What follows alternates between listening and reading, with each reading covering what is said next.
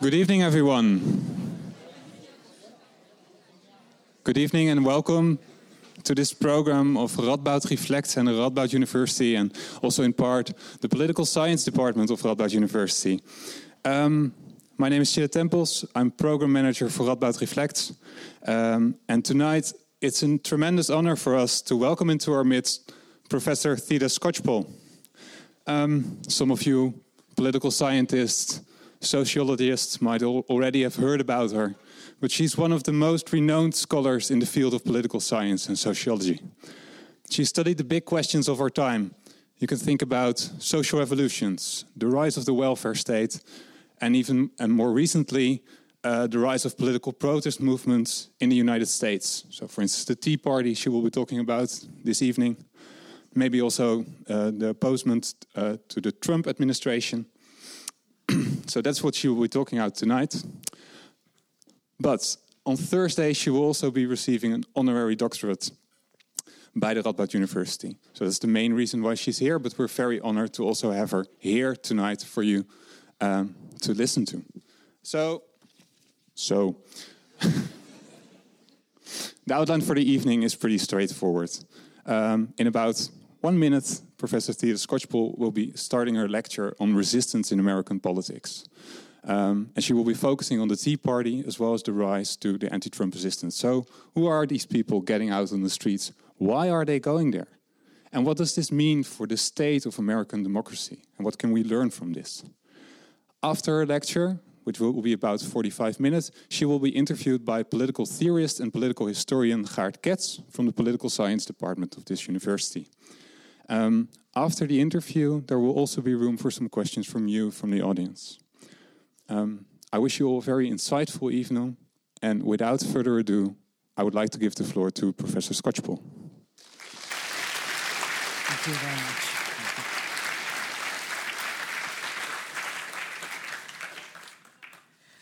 Ah, well, thank you. It's it's a delight to be here, and um, I'm make sure I understand. Where do I see? Oh, there. Okay. see what I'm talking about. All right. So um, the full title of my remarks tonight reflects the fact that I'm going to be comparing two widespread citizen movements and when I say widespread, I mean all over the United States, that have emerged just eight years apart at what is a very unusual juncture in American politics. American, America is not a parliamentary democracy, it is a divided powers uh, democracy. And that means that it's fairly rare for a president to be elected at the same time as the House of Representatives and a Senate of the same party. And yet, that rare event happened in 2008 when Barack Obama was elected along with Democrats in both houses of Congress, and it happened again in 2016 when a very different president, Donald Trump, was elected uh, along with uh, reelected uh, houses of Congress of, of the Republican Party. And in both cases, there was an eruption of citizen activism on the opposite side of the political spectrum. And um, these two quotes come from some field research and interviews that my colleagues and I have done. The first comes from a Tea Party couple uh, that uh, Vanessa Williamson, my co author in the work on the Tea Party, interviewed in Arizona, and you can see what they say. We always um, were busy people, but we voted. And then we realized that we had to be more active citizens, uh, and we do Tea Party stuff. I'll talk to you about what that means to take our country back to where we think it should be. Notice the very similar sentiment from uh, an older woman in Wisconsin that I interviewed in the anti Trump grassroots resistance that erupted after Donald Trump's election eight years later. I had always been uh, a voter, donated to my party, etc. She was an active citizen. Then the presidential campaign became more and more ridiculous and frightening, and the worst, our worst nightmare happened. My night, my life changed overnight. I was called to action. I, I feel like a soldier in a war trying to take back the country, my children's future, the climate, and it just keeps, and the list just keeps growing. The anti Trump resistance woman is a little wordier, but she's saying very much the same thing as the Tea Party activists. Uh, something has happened in national politics that makes us realize we've got to do it, not the politicians, and we've got to take our country back to where we think it should be. So, what I'm going to do tonight is offer some research based findings that compare these widespread voluntary upsurges at very similar junctures in American politics. I'll talk a little bit about the emergence and scope of Tea Parties and later the grassroots anti Trump resistance groups, who participated, why they got involved, um, talk a little bit about the battle over health care, over Obamacare, uh, which has, was central during the early struggles of both of these movements. Um, and say a little bit about how top down and bottom up forces relate in them, but especially how they've affected the Republican Party on the right and the Democratic Party on the left. So that's where I'm headed.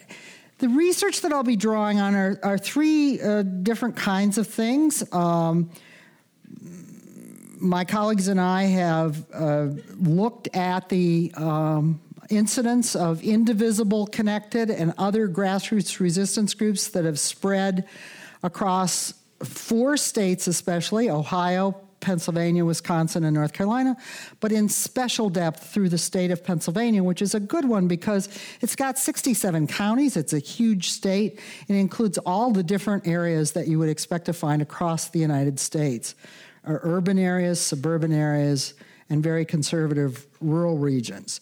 And as it happens, be able to compare uh, what we've found about these contemporary grassroots resistance groups. In some cases, we've visited them, we've observed them, we've interviewed their leaders and members. We've used online questionnaires to, to, to, to um, uh, gather information systematically about from leaders and members of these groups.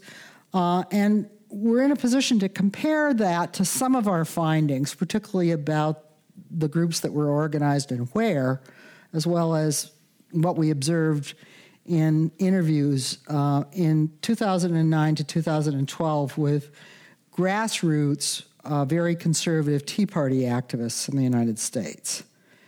So, uh, just to uh, remind you, um, and I think I'm going to stand so I can see a little bit better what you're seeing. Um, the Tea Party erupted within weeks after Barack Obama's inauguration in January of 2009.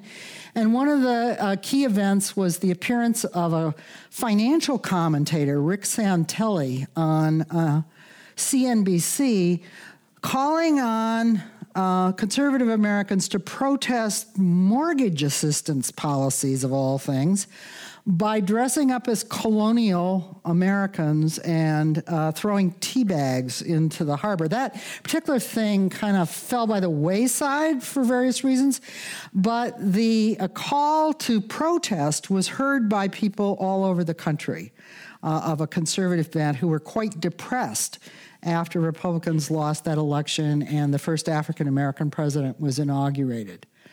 Fox News and right wing media in the United States kind of joined the cheerleading for these events and told people tips on how to how to go to regional uh, demonstrations, uh, starting especially on the day in which taxes are due in the United States, mid April of 2009. And here's some of the research that shows that close to half a million protesters, maybe even as many as 800,000, protested in 542 counties across the entire United States. And most of these demonstrations were older white Americans dressed up in colonial costumes and carrying signs denouncing Barack Obama as a fascist or a communist. I mean, they didn't seem to make a lot of distinctions there. Um, now, more interesting even than the initial protests were the fact that over the course of the next year and a half to two years, some 900, and we now think retrospectively probably more than a thousand, regularly meeting local Tea Parties were formed voluntarily by conservative minded men and women in localities all across the United States. This map was put together in the spring of 2011, and we went back and looked again and found two thirds of the groups still active in 2012. The lighter areas have fewer Tea Parties per million people. The darker states have uh, the, the, greatest density, uh, according to our research. And the little circles are for very large online memberships claimed by those Tea Parties. Uh, those tea parties were not created by the Koch brothers. They were not created by any wealthy uh, elites. They were created by ordinary middle class men and women who um, found a meeting place in a church or a library or a restaurant and collected dues or sold paraphernalia like uh, Tea Party pins made in China or Sarah Palin biographies uh, to raise uh, small amounts of money. And, and they were uh, very active in, in, sort of educating grassroots citizens and helping them to lobby uh, at all levels of government. Now, just to flash forward to the early Trump era, um, a huge protest was mounted the day after. In a way, the anti Trump resistance got going even faster. Um, perhaps because electronic media was more, uh, was speedier. Uh, back in the Tea Party, uh, people used things like Meetup, but they used Facebook to start organizing, and within days after the anti-Trump, uh, the Trump was elected in November. Uh, it was also the case that the Trump election was a shock to liberal Americans. Actually, it was a shock to all Americans, and I, it probably was a shock to Donald Trump himself. So it was just a shock. And uh, whereas most people had expected Obama to be elected. So the day after um, uh, Trump's inauguration, as I think we uh, all know, there was a huge demonstration, Women's March in Washington, D.C. But uh, my colleagues and I perked up when we saw how many women's marches were held all over the United States. And there was, this wasn't just a bunch of liberals gathering in San Francisco or Washington and New York or Boston. Uh, there were uh, marches even in um, Idaho. Uh, and, and uh, all over the South, all over the country, just as extensively, and in fact, many more people than those initial Tea Party uh, protests that I described before. Uh, within, even before the women's marches happened, uh, some uh, congressional staffers got together and created a, a Google Doc that was called the Indivisible Guide. And it looked back at the Tea Party experience of organizing local Tea Parties and pressing uh, congressional Republicans and Democrats in the Obama era and offered tips to people who were upset about Trump and the Republicans to imitate those tactics by in the anti-Trump uh, grassroots groups. And that was important because liberal Americans in recent times have been used to contacting the White House. You know, when they want something done, they they they would try to look to the national uh, leadership. But there wasn't any national leadership for any liberals to look to uh, after November 20, 2008. So the guide was important and it, it, was, it spread like lightning on the internet because it told people you could organize a local group and go to your local congressional office or, or do demonstrations in your local area. And so that helped to inspire the formation of a huge number of local groups. The Indivisible organization created an interactive map, and um, both in early 2017 and, and later periods, our, our researchers have downloaded all of the listings by zip code. And this is a map that shows, I think now, but it's very similar to back in 2017 the listings, uh, about maybe a third, a little over a third, are actual meeting groups. These were people who put their, their information on this interactive map so that if people went to it, they could find them. It, this map is useful because it gives you some idea of where the density per population is, uh, once again. And you can see they're all over the place. Um, My research colleagues and I have dug even deeper in some key states. Above all, the key state of Pennsylvania, which has 67 counties, and we have a what we believe to be a complete list of 225 grassroots groups that were organized and met face to face as well as interacting online at some point between 2016 and early 2019. We're doing the same thing for the state of North Carolina, which is this at the bottom, even though it's a smaller state, these maps are a little off scale, but they're meant to give you an idea of where there were Tea Parties. Those are red, Tea Parties only, those counties. North Carolina has 100 counties. Uh, where there were resistance groups only, that would be now or after 2016, that's blue. But look at all the purple, which indicates just how many counties in both of these states had both types of groups at one point or another. And the point you should take away from this is that even though in the United States, liberal Democratic voters tend to be clustered in big cities, and conservative Republican voters are everywhere else. These two movements are equally everywhere. The white areas that had neither are either so rural that there's hardly anybody to organize anything, Pennsylvania, or so rural or predominantly African American in North Carolina. African Americans organized through their churches not in the kinds of groups that I'm going to be talking about today.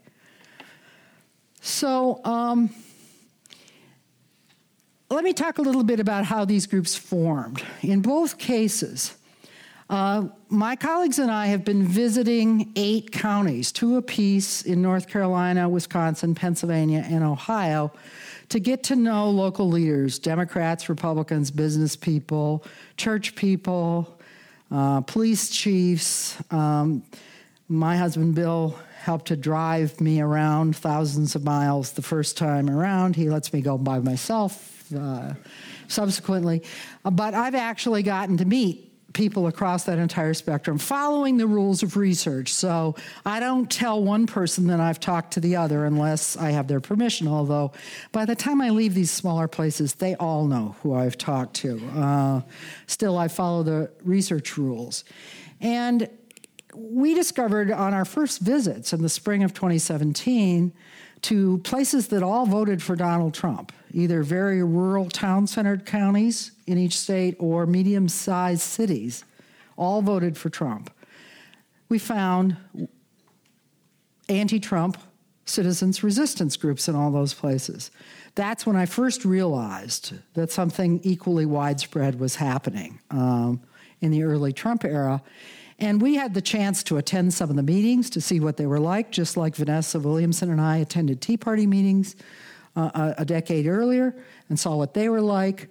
Uh, we also, I've also had the chance to interview these leaders of these groups repeatedly and to follow up with them in online questionnaires and with their members. So that's where a lot of our data comes from. But to make sure that we weren't just looking in conservative areas, we've also used online questionnaires and online searches and, inter- and interpersonal networks to discover the 225 groups across 55 out of the 67 counties in Pennsylvania and have gotten answers from uh, online questionnaires for most of them to give us uh, evidence about big city areas, suburbs, as well as the medium sized cities and the rural areas. So that's the evidence we're using. Now, what we found is that the resistance to Trump, um, the people who led it, usually teams of two to four women, sometimes a, a man in there. None of these groups exclude men. The men present are usually the partners or husbands of the women.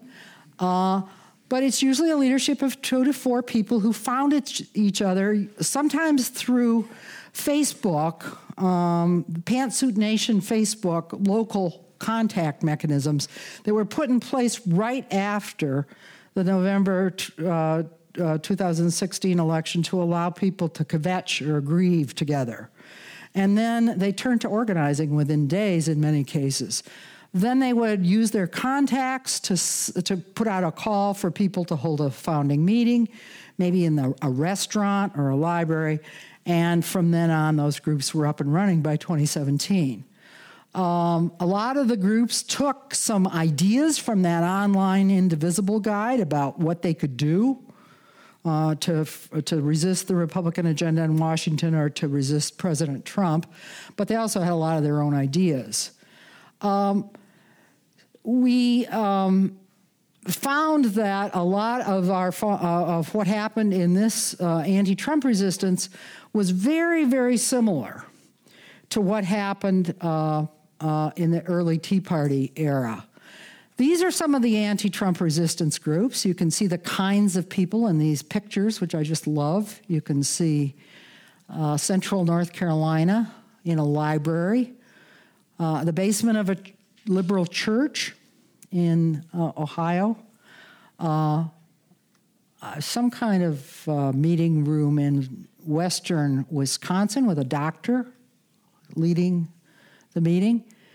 And we found through our questionnaires as well as observations that in the grassroots anti Trump resistance, between two thirds and 90% of the participants are women. They are overwhelmingly older women. The median age is 55, although there are some young mothers with children that participate in leading and uh, and the activities of anti-Trump resistance groups. Whereas Tea parties, when we visited them before, uh, the only children present would be some very unhappy grandchildren. Uh, so uh, those were also older whites, uh, but. 80 to 90 percent of the leaders of anti Trump resistance are college educated, often with advanced professional degrees of one kind or another. And they tend to be teachers, adjunct professors, healthcare professionals of one kind or another, uh, businesswomen, sometimes uh, lead, small businesses, uh, or nonprofit managers. That's who is leading the anti Trump resistance. And we find exactly the same patterns in conservative and moderate areas as we find in big city liberal areas. There are no demographic differences and no uh, racial differences. Um, nine of the 10 out of 10 people who answered our questionnaires. Now, answering the questionnaires means you put in the effort. So these are very active people. They're not the couch potatoes who are just kind of checking into Facebook every now and again. Um, they're not necessarily representative of everybody who sympathizes with the anti Trump resistance and maybe would go to an occasional community event. But the very active people say that they are Democrats or that they lean that way. Others, though, will say that they are independents or disgruntled Republicans. Tea Partiers back then were also older white Americans, uh, more evenly balanced between men and women. In fact, married couples arriving in large cars with a lot of uh, Tea Party bumper stickers were the typical attendees at Tea Party meetings. But they too often met in the back rooms of restaurants or in where they would buy dinner and then get the room to use, or in a library. The only difference is that Tea Parties often move toward meeting in large churches, um, evangelical uh, conservative churches. And their meetings start with a prayer and the Pledge of Allegiance, then and now. There are still some Tea Parties meeting. Um, uh, anti-Trump resistance meetings are sort of more like a let's just get down to business uh, secular uh, citizen event. Um, but uh, the uh, Tea Parties were also older. They were middle class. Their occupations were more likely to be things like construction business owner, um, middle managers, um, contractors of various kinds, and retired military and their wives. So it's an occupational difference, not so much a class difference. Uh, we always saw women in these meetings, and they were often the ones doing the actual work. what else is surprising? Yeah.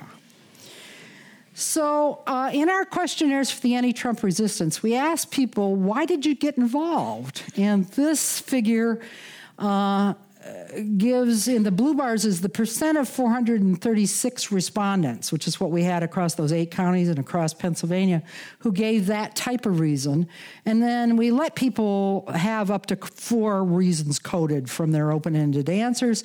So you can also see the percent of all the reasons that were given. And, you know, opposition to Trump is obviously big. One man just answered the question Trump, Trump out as his reason for joining. But most of the people who answered our questionnaires also talked about reviving American democracy, building a stronger, more active, citizen centered democracy. And you can see that those reasons are pretty close uh, in number to the opposition to Trump. Partisan reasons, like electing Democrats, were not the main reason given in 2017. Uh, the need to act personally which we saw in those opening quotes, and increasingly important over time, I, I see this in my repeat visits to these areas, is finding community, uh, getting to know other people, building friendships. A lot of the people who founded these groups didn't actually know one another until they met on a bus to a women's march or um, through the first meetings of their group. And that was true in the Tea Party, too. Um, Tea Party organizers often did not know each other before. And that was a big research question for us in both cases because you might assume, well, what happens when a controversial president is elected? Groups that already exist just change their names and they become the Tea Party or the anti Trump resistance, and a little of that happens. But these are newly formed citizen voluntary groups in both cases, overwhelmingly. So that's an important finding. Now, the person of the controversial president that was elected at these junctures is symbolically extreme and emotionally extremely important to these widespread citizen movements. It's uh, Obama and Trump uh, frightened the daylights out of people at the opposite ends of the political spectrum, but for very different reasons for Tea Partiers, and I say this based not just on national survey evidence, but really just listening to people in face to face interviews, um, found Barack Obama to be terrifying because he symbolized un Americanness. I think his black skin was part of it, but actually, I don't think it was as important as his foreign father. And the fact that he seemed like an immigrant type or somebody that catered to immigrants. Now, he also was a perfect storm of fear for Tea Partiers because he was a Democrat, he was urban, and he was a professor. And professors are a very bad category in Tea Party land. Uh, and one of the things we might want to talk about in the discussion is how a Harvard professor managed to meet some of these people and interview them. And the answer is I show respect, which surprises uh, the people that I interview. To resistors, Donald Trump is horrifying because he is seen as lacking character and qualifications to be president of the United States, because he represents a sense of disrespect and hatred toward women, minorities, and immigrants, and a selfish disregard for the public good. You see that coming out in the current impeachment fight, that that's the one that seems to have caught a certain amount of public uh, attention. Um, so, what do these groups do very quickly? Not so different. They tended to meet once a month in both cases, face to face, but also have an online presence. Uh, uh, Tea Party groups usually were somewhat ritualized in their meetings. They would start with the Pledge of Allegiance and a prayer, if the, particularly if always a Pledge of Allegiance, usually a prayer. Um, there were some Jewish members of Tea Parties, and some of them objected to Christian prayers. So uh, that could be a touchy issue. But a lot of Christian right people are, were in the Tea Parties, and for them, the prayer was fine. And of course, if they met in a church, usually that was part of the requirement. Uh, but then they would listen to usually an outside lecture uh, perhaps a visitor to talk about gun rights or the horrors of the global warming uh, uh, regulations. And then uh, the group would um, uh, decide on groups that were going to go to the local town council to object to things like bike paths, or go to the state legislature, or go to Congress if they were near Washington. And I have to say that Vanessa and I were very, very impressed when we interviewed Tea Party people in Virginia, Arizona, and New England at how much they understood the political process in great detail. They had really educated themselves and they understood not just electoral politics but actual legislative politics in great uh, in very great enough detail that they could act on it. Uh, re- resistance groups are very similar in that regard. These uh, groups are schools of citizenship. They teach Americans about the complexities of their gerrymandered districts. They teach them uh, how to register voters in the case of the resistance groups, which do a lot more of that than Tea Parties ever did back then. Uh, and um, in both cases, these sets of groups spent the first year, in many cases, protesting either the enactment of Obamacare, the health care law under Obama, or trying to save Obamacare during the first year of the Trump presidency when the Republicans in Washington were trying to repeal it. The reason that resistance groups are more likely to engage in voter registration activities and get out the vote activities is that they were thinking about increasing the vote for Democrats in populations, including um, lower income and minority populations in their areas that might not automatically vote. Whereas Tea Partiers could take for granted that all, all their older white neighbors were going to vote pretty regularly. Um, the other difference that we've seen is that resistance groups are more willing to ally with neighboring groups like unions or the National Association of Colored People to hold joint events. Whereas Tea Parties, in our experience, were very, very persnickety about any outside influence at all. Just very, very stubborn and autonomous, uh, and didn't even like to necessarily work with other Tea Parties. These are some of the pictures that indicate the long running battles of over health reform that both sets of groups engaged in. Tea Partiers at the top, resistors in Buffalo, New York at the bottom. Uh, and the groups that I visited in these eight counties, here are some of the things they did to try to educate their neighbors about what was in the Obamacare law, help to shift public opinion about it in its favor, and help defend it. Uh, uh, in Congress. Um, there were street demonstrations, for example, in Hazleton, Pennsylvania. There were pro life themed um, die ins in central North Carolina, where many of their neighbors would be pro life. Uh, and so they were trying to make the case that healthcare is pro life. I mean, you know, it's, it's sort of obvious, but. Um, and then uh, regular visits to congressional offices in the local districts.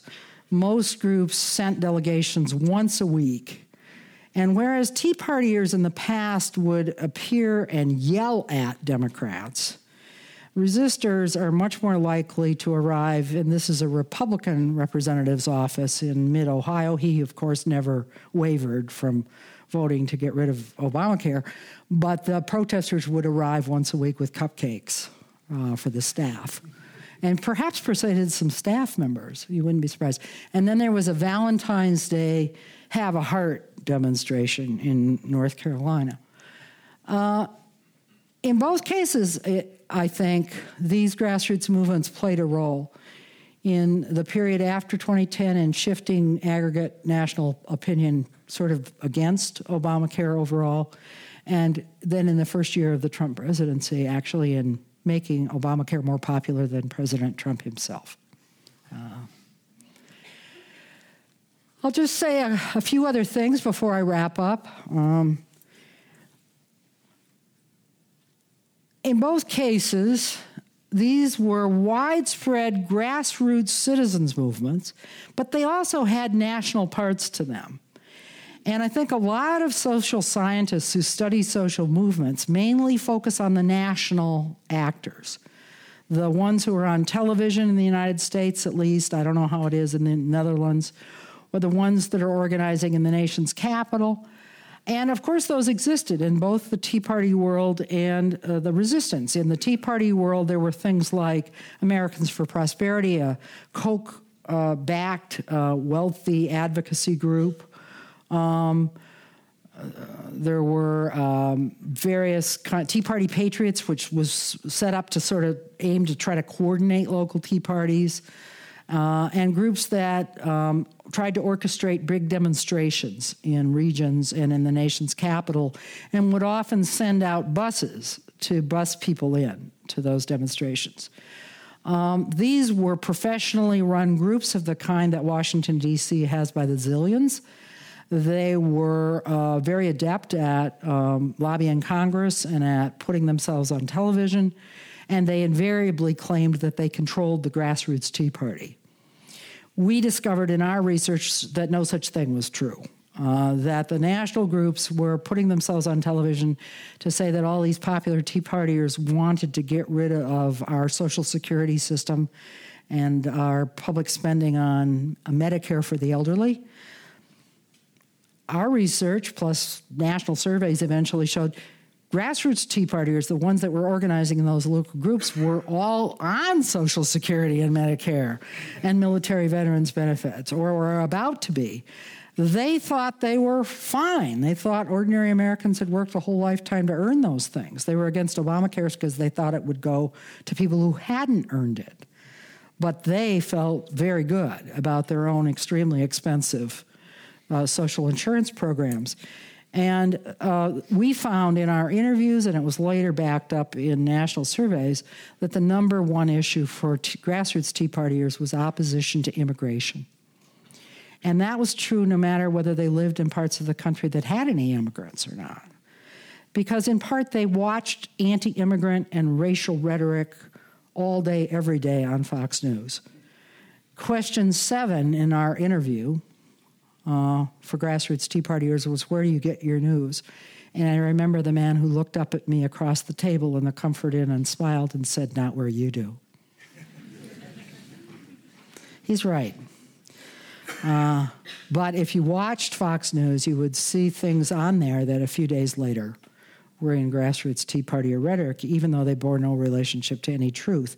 And much of them were about stoking fear of immigration, particularly immigrants uh, Hispanic immigrants. Um, some similar tensions between top down and bottom up exist in today's anti Trump resistance. This is not news that uh, most center left uh, people in the United States like to hear.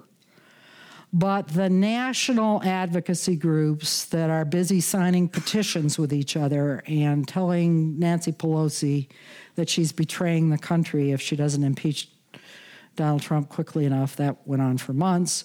Or if they don't close down the government over, I don't know, whatever the leftist issue of the day is. Uh, they claim to represent grassroots Tea Party, or, I mean, grassroots resistors. But when our interviews happened and our questionnaires and just keeping track of what the local groups are talking about through Facebook, we don't find anything like that kind of far left orthodoxy. The truth is that people who participate in grassroots resistance groups are a mix of leftist leaning progressives and Democrats, moderate minded people, and some who aren't even Democrats at all, but just are horrified. And it depends very much on the local area, what the mix is. But a lot of the local groups are just as reluctant to take orders from the Washington, D.C. based groups as the Tea Party groups were back then. And in fact, what local groups did in both movements is to pick and choose what they'll take from all of the offerings that are being given to them. In the Tea Party, national groups would offer bus rides, they would offer small grants to help form a website, they would offer speakers, since speakers were what most Tea Party meetings were organized around. In the case of the anti Trump resistance, the national and regional groups are usually offering training.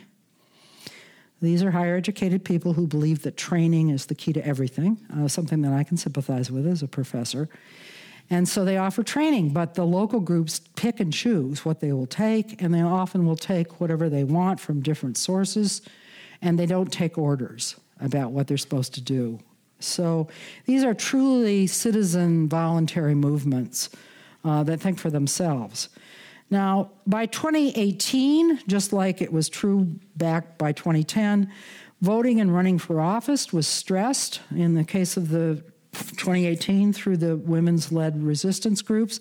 And a record number of women ran for office in uh, 2018 across the United States, and a lot of them were women who were generated from these various resistance groups and were backed by them. But so were many male Democratic candidates uh, backed by these groups. We asked the groups across Pennsylvania to report on their election activities during 2018, we got back reports from 82 grassroots groups in 49 of the 67 Pennsylvania counties. And I just want you to notice the large number of activities that were reported. Many groups reported three or four or five to seven activities. But the most common activity, knocking on doors, is not. Um, it's not an inexpensive kind of activity. It requires people to devote Saturday after Saturday, that's usually how it would operate over many months, to learn how to talk to people in their communities that in many conservative areas could be kind of frightening to knock on their doors. Um, and to really work at it over a long period of time. So it's not the cheapest kinds of activities that most of these groups were engaged in but by the dozens and then sometimes the hundreds, they would go out weekend after weekend uh, to try to make the case first, just to talk to their neighbors about what issues mattered, and later to make the case for uh, Democratic candidates running for office, for local offices, for state legislative offices, and for congressional offices. Both the Tea Party and the grassroots resistance generated surges in candidacies in their immediate aftermath. The red line is the peak that the Tea Party, um, that accompanied the Tea Party surges in 2010, and the even higher uh, blue line is the peak that came in 2018. Um, record numbers of Democrats and women, female Democrats, won in 2018 at most levels in the first election after Donald Trump's victory in the Electoral College. And let me just say that a final piece of our research is to think about what is going to be, what has been and will be, the impact on governing agendas and party structures and activities of these grassroots citizens' movements. In both cases, they were partisans mainly conservatives who voted Republican in the Tea Party surge, mainly Democrats who vote Democrat in the anti Trump surge. But these movements were not organized by the political parties themselves. That's an important distinction. They organized outside of them, and in the case of the Tea Party, were very suspicious of institutional Republicans at the time. They were opposed to Democrats and Obama, but they were also very fiercely opposed to any Republicans who were willing to compromise with Democrats and President Obama. And they usually organized outside the Republican parties in their states and localities, and over time gradually took over most of those parties. In two out of the eight counties I'm visiting, there are still Tea Parties meeting today, which is remarkable. I've met their leaders. Uh, but in most of the areas, they've simply moved into the Republican Party and largely control it at the state and local level. Resistors are uh, also organized outside the Democratic Party virtually everywhere by choice, even in cases where Democratic Party women's groups helped to hold the first meeting, which happened in some places. The groups usually decided to adopt their own name and to organize outside the party because they wanted to attract um, people who didn't feel comfortable calling themselves Democrats, either because they thought they were more progressive than Democrats or because they were more moderate. Uh, depends on the area. And but over time, over the course of 2018 in particular, and this is something we've asked people about in questionnaires and tracked very carefully, in most areas that we know about, and certainly all across Pennsylvania, The women who've organized these outside resistance groups have gradually been running for local party committee offices. They've been taking over, uh, in some cases, completely taking over uh, local Democratic parties, in other cases, joining older party regulars like trade union guys. And, you know, they argue, uh, but they're coming to terms with one another. More to the point, and the research that we've done and some of my students have done on the ground shows that candidates running for office on the Democratic tickets uh, often were more interested in having volunteer help from these outside resistance groups than, than from the local parties themselves, particularly the local parties that weren't very good at contacting voters or engaging in canvassing.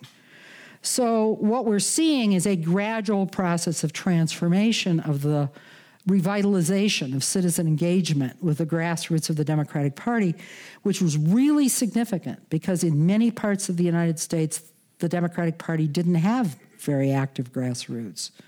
In the cities, because urban machines were in control. In the not urban areas, because there's just not enough Democrats to interest the national consultants. That was not true during the Obama presidential campaigns. Obama was pretty good at organizing right down to the neighborhood level, but his efforts were allowed to atrophy and were not incorporated into the Democratic Party itself.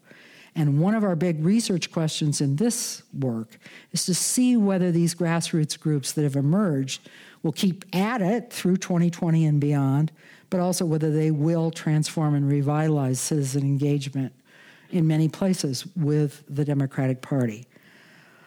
So let me just conclude by saying what next? There are a lot of open questions. Um, some answers I'll, I'll, uh, I'll suggest. I don't think there the Tea Party has taken over uh, much of the grassroots of the Republican Party. Um, there's new data out from Pew Research that shows that the most pro Trump Republicans, ordinary Republicans, we're not talking about wealthy elites, we're talking about ordinary people, are people who sympathized with and participated in the Tea Party. Uh, and I was glad to see that research, but it told me what I already knew uh, from talking to Tea Partiers. Uh, Tea Party Republicans are thrilled. Um, business Republicans will say, I wish you would stop tweeting as much. Tea Party Republicans say, I love the tweets. I want the wall. I like it that he's kicking ass with liberals. And that's what he, they love about him. Um, he expresses the resentment that grassroots Tea Partiers feel about a changing America that is no longer as white, as Christian, as built around traditional family norms as they would like. And Trump sells nostalgia and resentment in a way that is powerfully appealing to these folks. So, Tea Party Republicans are very predominant now in most Republican parties across the country. They are the core of Trump's support, and they're not going anywhere. They will turn out in droves in 2020. It's an open question, though, whether the local left to center anti Trump resistance groups led by women in so many places will push the Democratic Party as far to the left as the Tea Party groups and the wealthy um, millionaires and billionaires that in the Koch network that I haven't talked about tonight have pushed the Republican Party to the right. I don't think so because I think the spectrum of people's views in the anti Trump resistance is broader, but this is an ongoing process and we don't know. We don't know yet how volunteer citizen activists will relate to Democrats that they helped to elect, although the signs are that in places where Democrats were elected with a lot of volunteer canvassing, they have continued to meet regularly with their constituents in local areas. Um, and uh, we have to see whether the impeachment struggle and the Democratic presidential nominating contest, which is a sort of an unending circus so far, will draw all the attention to the national level and to the fights over uh, left versus right in the Democratic Party. There's really no right, but you know, it's relative. Um, or whether these grassroots groups will continue to feel that their activities are really vital going into 2020. I can assure you that they are vital. The grassroots anti Trump resistance is part of a civil war that's ongoing in the middle class in the United States.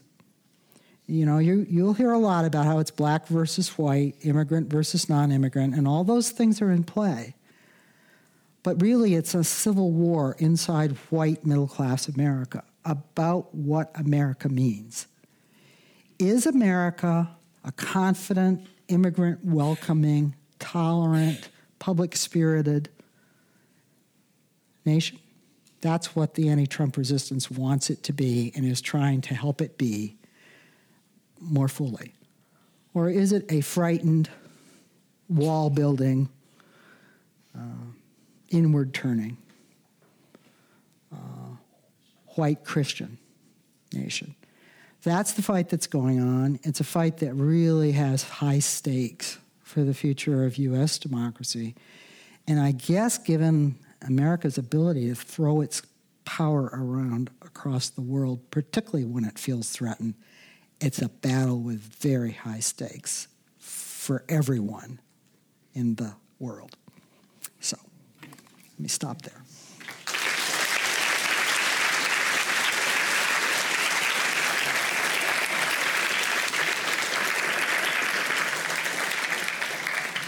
So, come and sit down, huh? All right.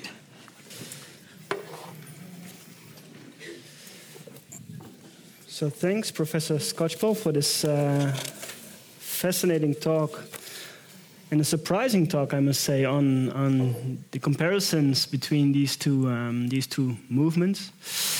Um, being trained in, in history myself, and I know that you are you've been studying history a lot as well. You have your particular historical comparative approach. I want to start with a with a, a historical question, maybe. So maybe to get more of the context of this, um, this phenomenon, these phenomena, could you try to draw us the history of this kind of self organizing um, grassroots in the US? Um, is this a typical American phenomenon? Uh, is it part of US political culture, would you say? Mm-hmm.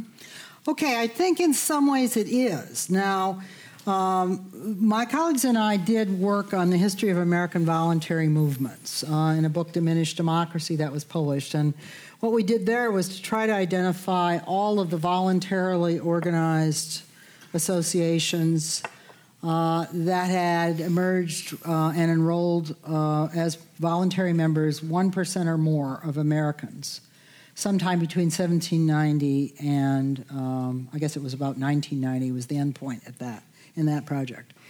And what we discovered in that research, we, did, we identified 60 some of those, not including churches per se mm-hmm. or political parties, was that the typical form of voluntary organization was not just a bunch of local groups of, of the kind that some academics suggest, but local groups that met regularly face to face and were linked to state mm-hmm. and local uh, action. And, and yet, that form of organizing appeared to go into decline after 1960 with the proliferation of professionally run, nationally focused advocacy groups on the right and left, but especially on the left. Um, and I think what's interesting about these two electorally sparked widespread movements is that although they're not at all exactly the same as those classic three tiered federated voluntary associations, they have some similarities uh, in that they're grounded in face to face activities in many localities that are linked into regional, state, and national um, uh, political and civic activities. Mm-hmm. So, in a way, it's a revival of a very old theme, and certainly the answers that I showed you in those questionnaires, where people said, I realize we've got to do it. Uh, you know, we've got to become more active. That's almost like uh, Americans on both sides of the spectrum remembering something and Americans always knew. And I don't think it's completely absent in Europe. I think Norway has a lot of it, for example, and the Netherlands has a fair amount.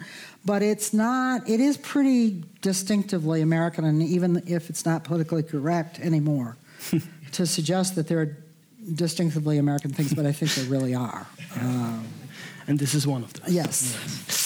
So, so maybe you brought in the comparison with Europe, and of course, apart from your uh, historical uh, research, you're also famous for your comparative research. So maybe to draw into that, how does this compare to movements, grassroots movements that we see in Europe uh, mm-hmm. nowadays?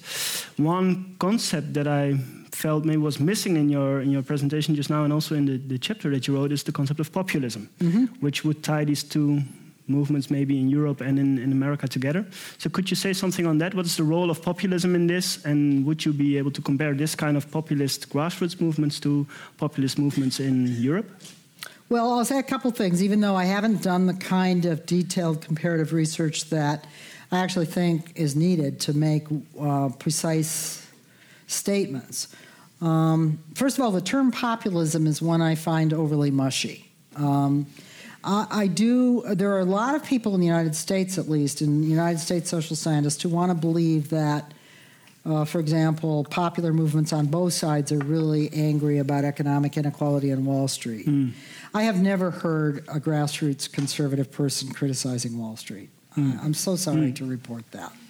Uh, but that never comes up. They criticize the politicians that they think may do things to, for Wall Street but it's the politicians they hate. So I don't believe that the economic inequalities play the same role. And there's been a lot of debate among about whether the anti whether the, the pro-Trump popular roots are mainly about displaced factory workers mm.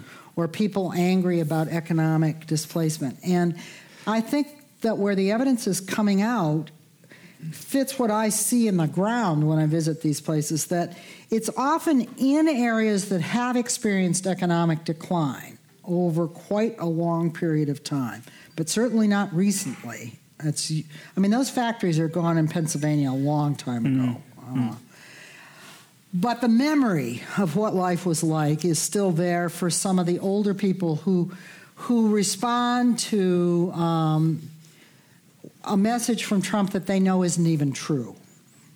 I mean, they know he's not bringing back the coal mines. They know he's not bringing back the factories, and they'll tell you that. Mm. But they like it that he, you know, invokes that.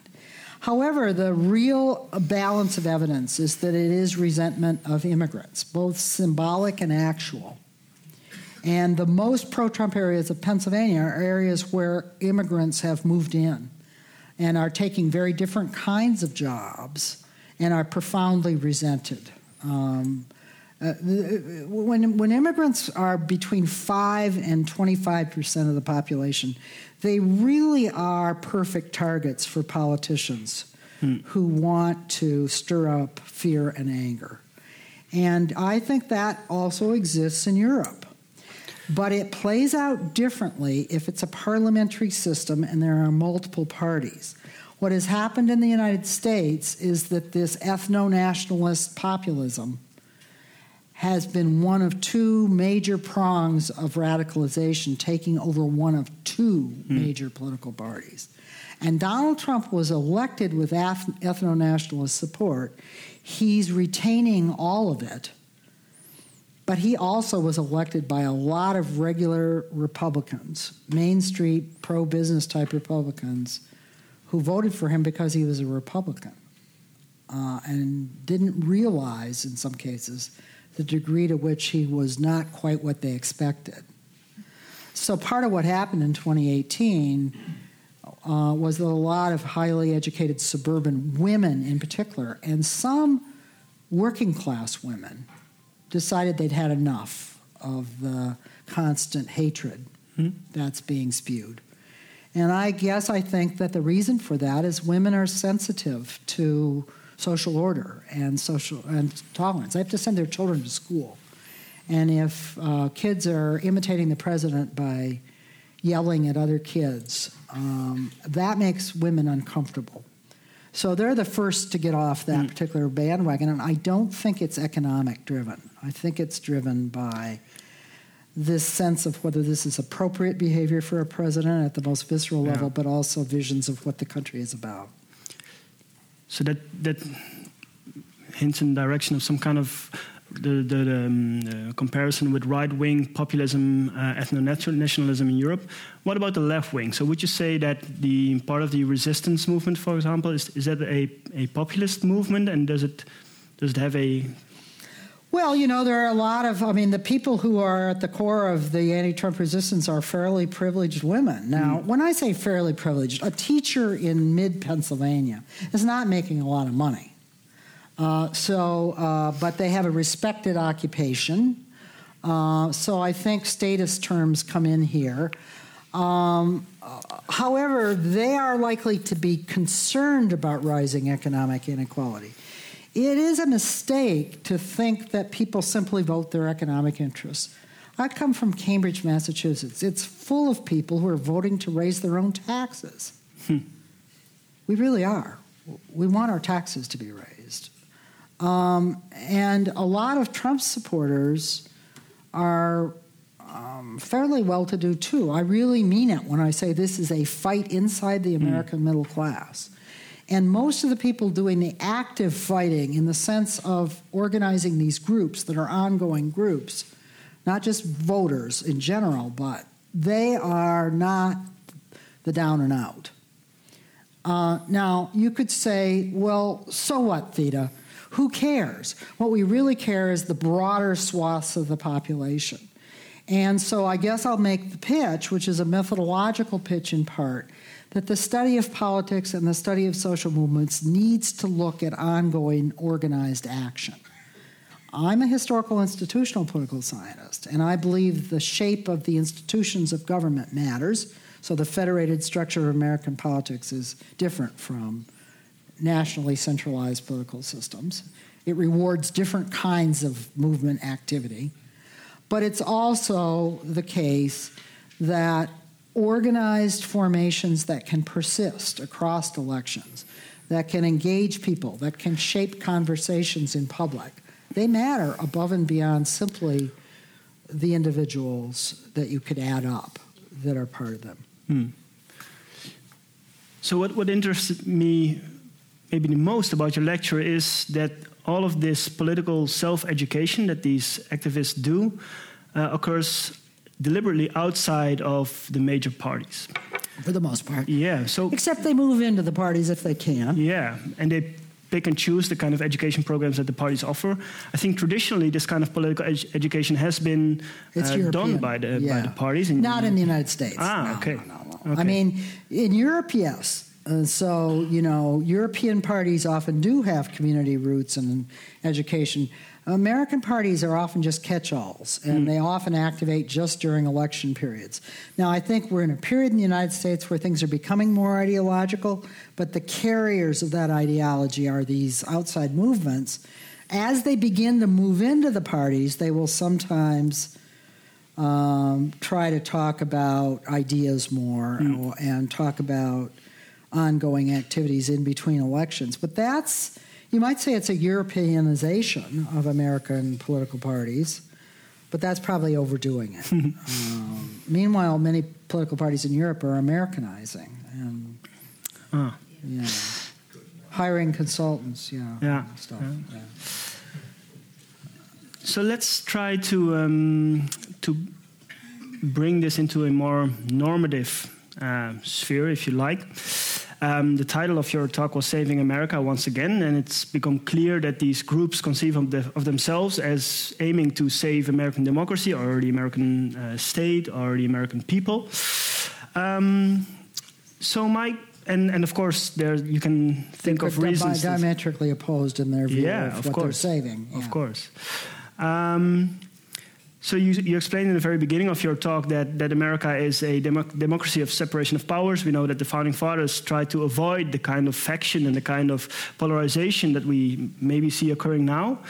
Um, so what should be our take on these kind of movements? Is this, is this in, indeed the salvation of American politics, of people actually doing politics themselves on the streets, knocking doors? Or is it the, the demise, the downfall of American politics because of the polarization that it's, it's bringing?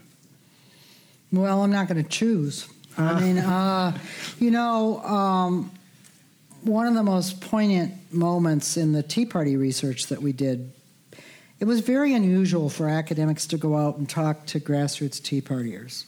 Um, and that was a real change in my career because I'm a macro historical social scientist. I had never gone out and actually interviewed face to face people whose personal political views I find uh, loathsome. Um, always have to take a Tylenol when I went back to the at the end of the day after the interviews, and that's still true. But the key to doing the interviews, even getting them, was to show some respect for the fact that these were self-organized citizens, and that wasn't fake on my part. I actually think it is. Uh, somebody asked when we when we would come back to Harvard after these interviews, large crowds would come to hear our talks, and it was as if we were returning from a foreign tribe um, uh, and reporting on something that you know just was outside the understanding of most people in Cambridge, Massachusetts, and. I remember Jane's Jane Mansbridge asking about an hour and a half into a two hour discussion once, well, is it a good thing that they're more active citizens or not? And I had just reported the one striking thing that uh, Vanessa and I had seen that the Tea Party people we talked to had completely crazy ideas about the content of American public policy. They believed things that were not only not true, but you couldn't hardly believe people with their education level believed those things because they weren't uneducated. And yet they knew how the workings of government in much more detail than anybody in, Ma- in Cambridge, Massachusetts, mm. who just thought, who knew all about the public policies, but would just contact Washington, you know, and had no idea what was going on in the state legislature or the city government. So I guess my answer was it's both. I mean, obviously, if people are active around hateful values, um, then that's frightening in some ways. Uh, but the fact that these were self organized citizens who were participating and speaking up and asserting themselves against elites in their own party who didn't want them to be active struck me as a very good thing. And it's, I think the way to meet that is with more activism. And the interesting thing is that the grassroots resistance is organized in more places and more groups than the Tea Party was. Hmm. That's a very striking finding. That really surprised us. And the research that we've done to document that is extremely difficult research to do. You cannot sit at a computer and call up a data set and just run some simple statistics. So that's the bad news.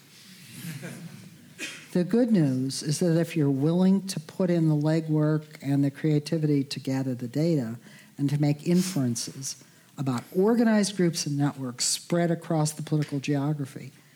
Everybody wants to hear about it. so I do think our findings are valid. I do think this new wave of activism is even more widespread. But given the polarization of American politics and given the built in advantages the right has in the American Electoral College and the federated political system and the Senate, the left and the center have to organize much more and much more widely to have any chance at all to stop what is at heart an anti liberal force in American politics. This brings up a question about your the relation between your personal views, which become apparent now, and your research. And um, you've been an activist yourself. You've been active in the civil rights movements. I think you even met your husband Bill there. Yeah. Um, um, so at one point you were an activist. I'm not sure if you would consider yourself an activist still, but well, how I'm an engaged you... academic. I, I, I, definitely, yeah, and I write op-eds and you know try to tell Democrats what to do. They don't listen, but I, I, what to do. How would you um, describe or judge the relation between being an activist and being an academic? Do you? I'm very clear on the distinction. And that, um, you know, I know is not the fashion for everybody in academia anymore. Uh, but I'm going to insist on the value of a Weberian distinction between your personal values, your what the way I explain it to people when I'm doing research is I am an active citizen. I have citizen views as a voter, and as a donor and uh, as an op ed writer. But I do not consider that to be the same as my job as a researcher and as a classroom teacher. Mm-hmm. When I'm acting as a researcher and a classroom teacher, it is absolutely my job to report as objectively and even um, sympathetically in the sense of trying to get into the heads of uh, other people what they are about. Now, I happen to think these two things go well together. I don't think that you can be, for example, a very effective um, defender of American and Western liberal democracy, and I think there are global ideals of liberal democracy. I don't think you can be a very effective defender of those if you don't understand the roots of the of the resentment and attacks on those ideals. And you're not going to understand them by believing stereotypes. There are a lot of people in the United States who believe that the Tea Party was the creation of the Koch brothers. Now, I've studied the Koch brothers and their network, and I have a pretty good beat on them too. But I can tell you they used the Tea Party, they didn't create it. And if they had created it, it would be so much easier. Uh, the passions of the local activists in the Tea Party were genuine, and in many cases, they were admirable individual human beings. Most people I've met and interviewed, I've liked in some way or another, even if I thought they were saying and doing hateful things. And it's very important that I expose myself to that and report that as clearly and as objectively as possible. Wishful thinking is helpful in citizenship politics, it's fatal in research. Uh, I would like to thank you, the audience, as well, for coming here tonight, and I hope that everyone has a good night and that we see each other again at the next event. Bye bye. Thank you all. Great questions. Thank you all.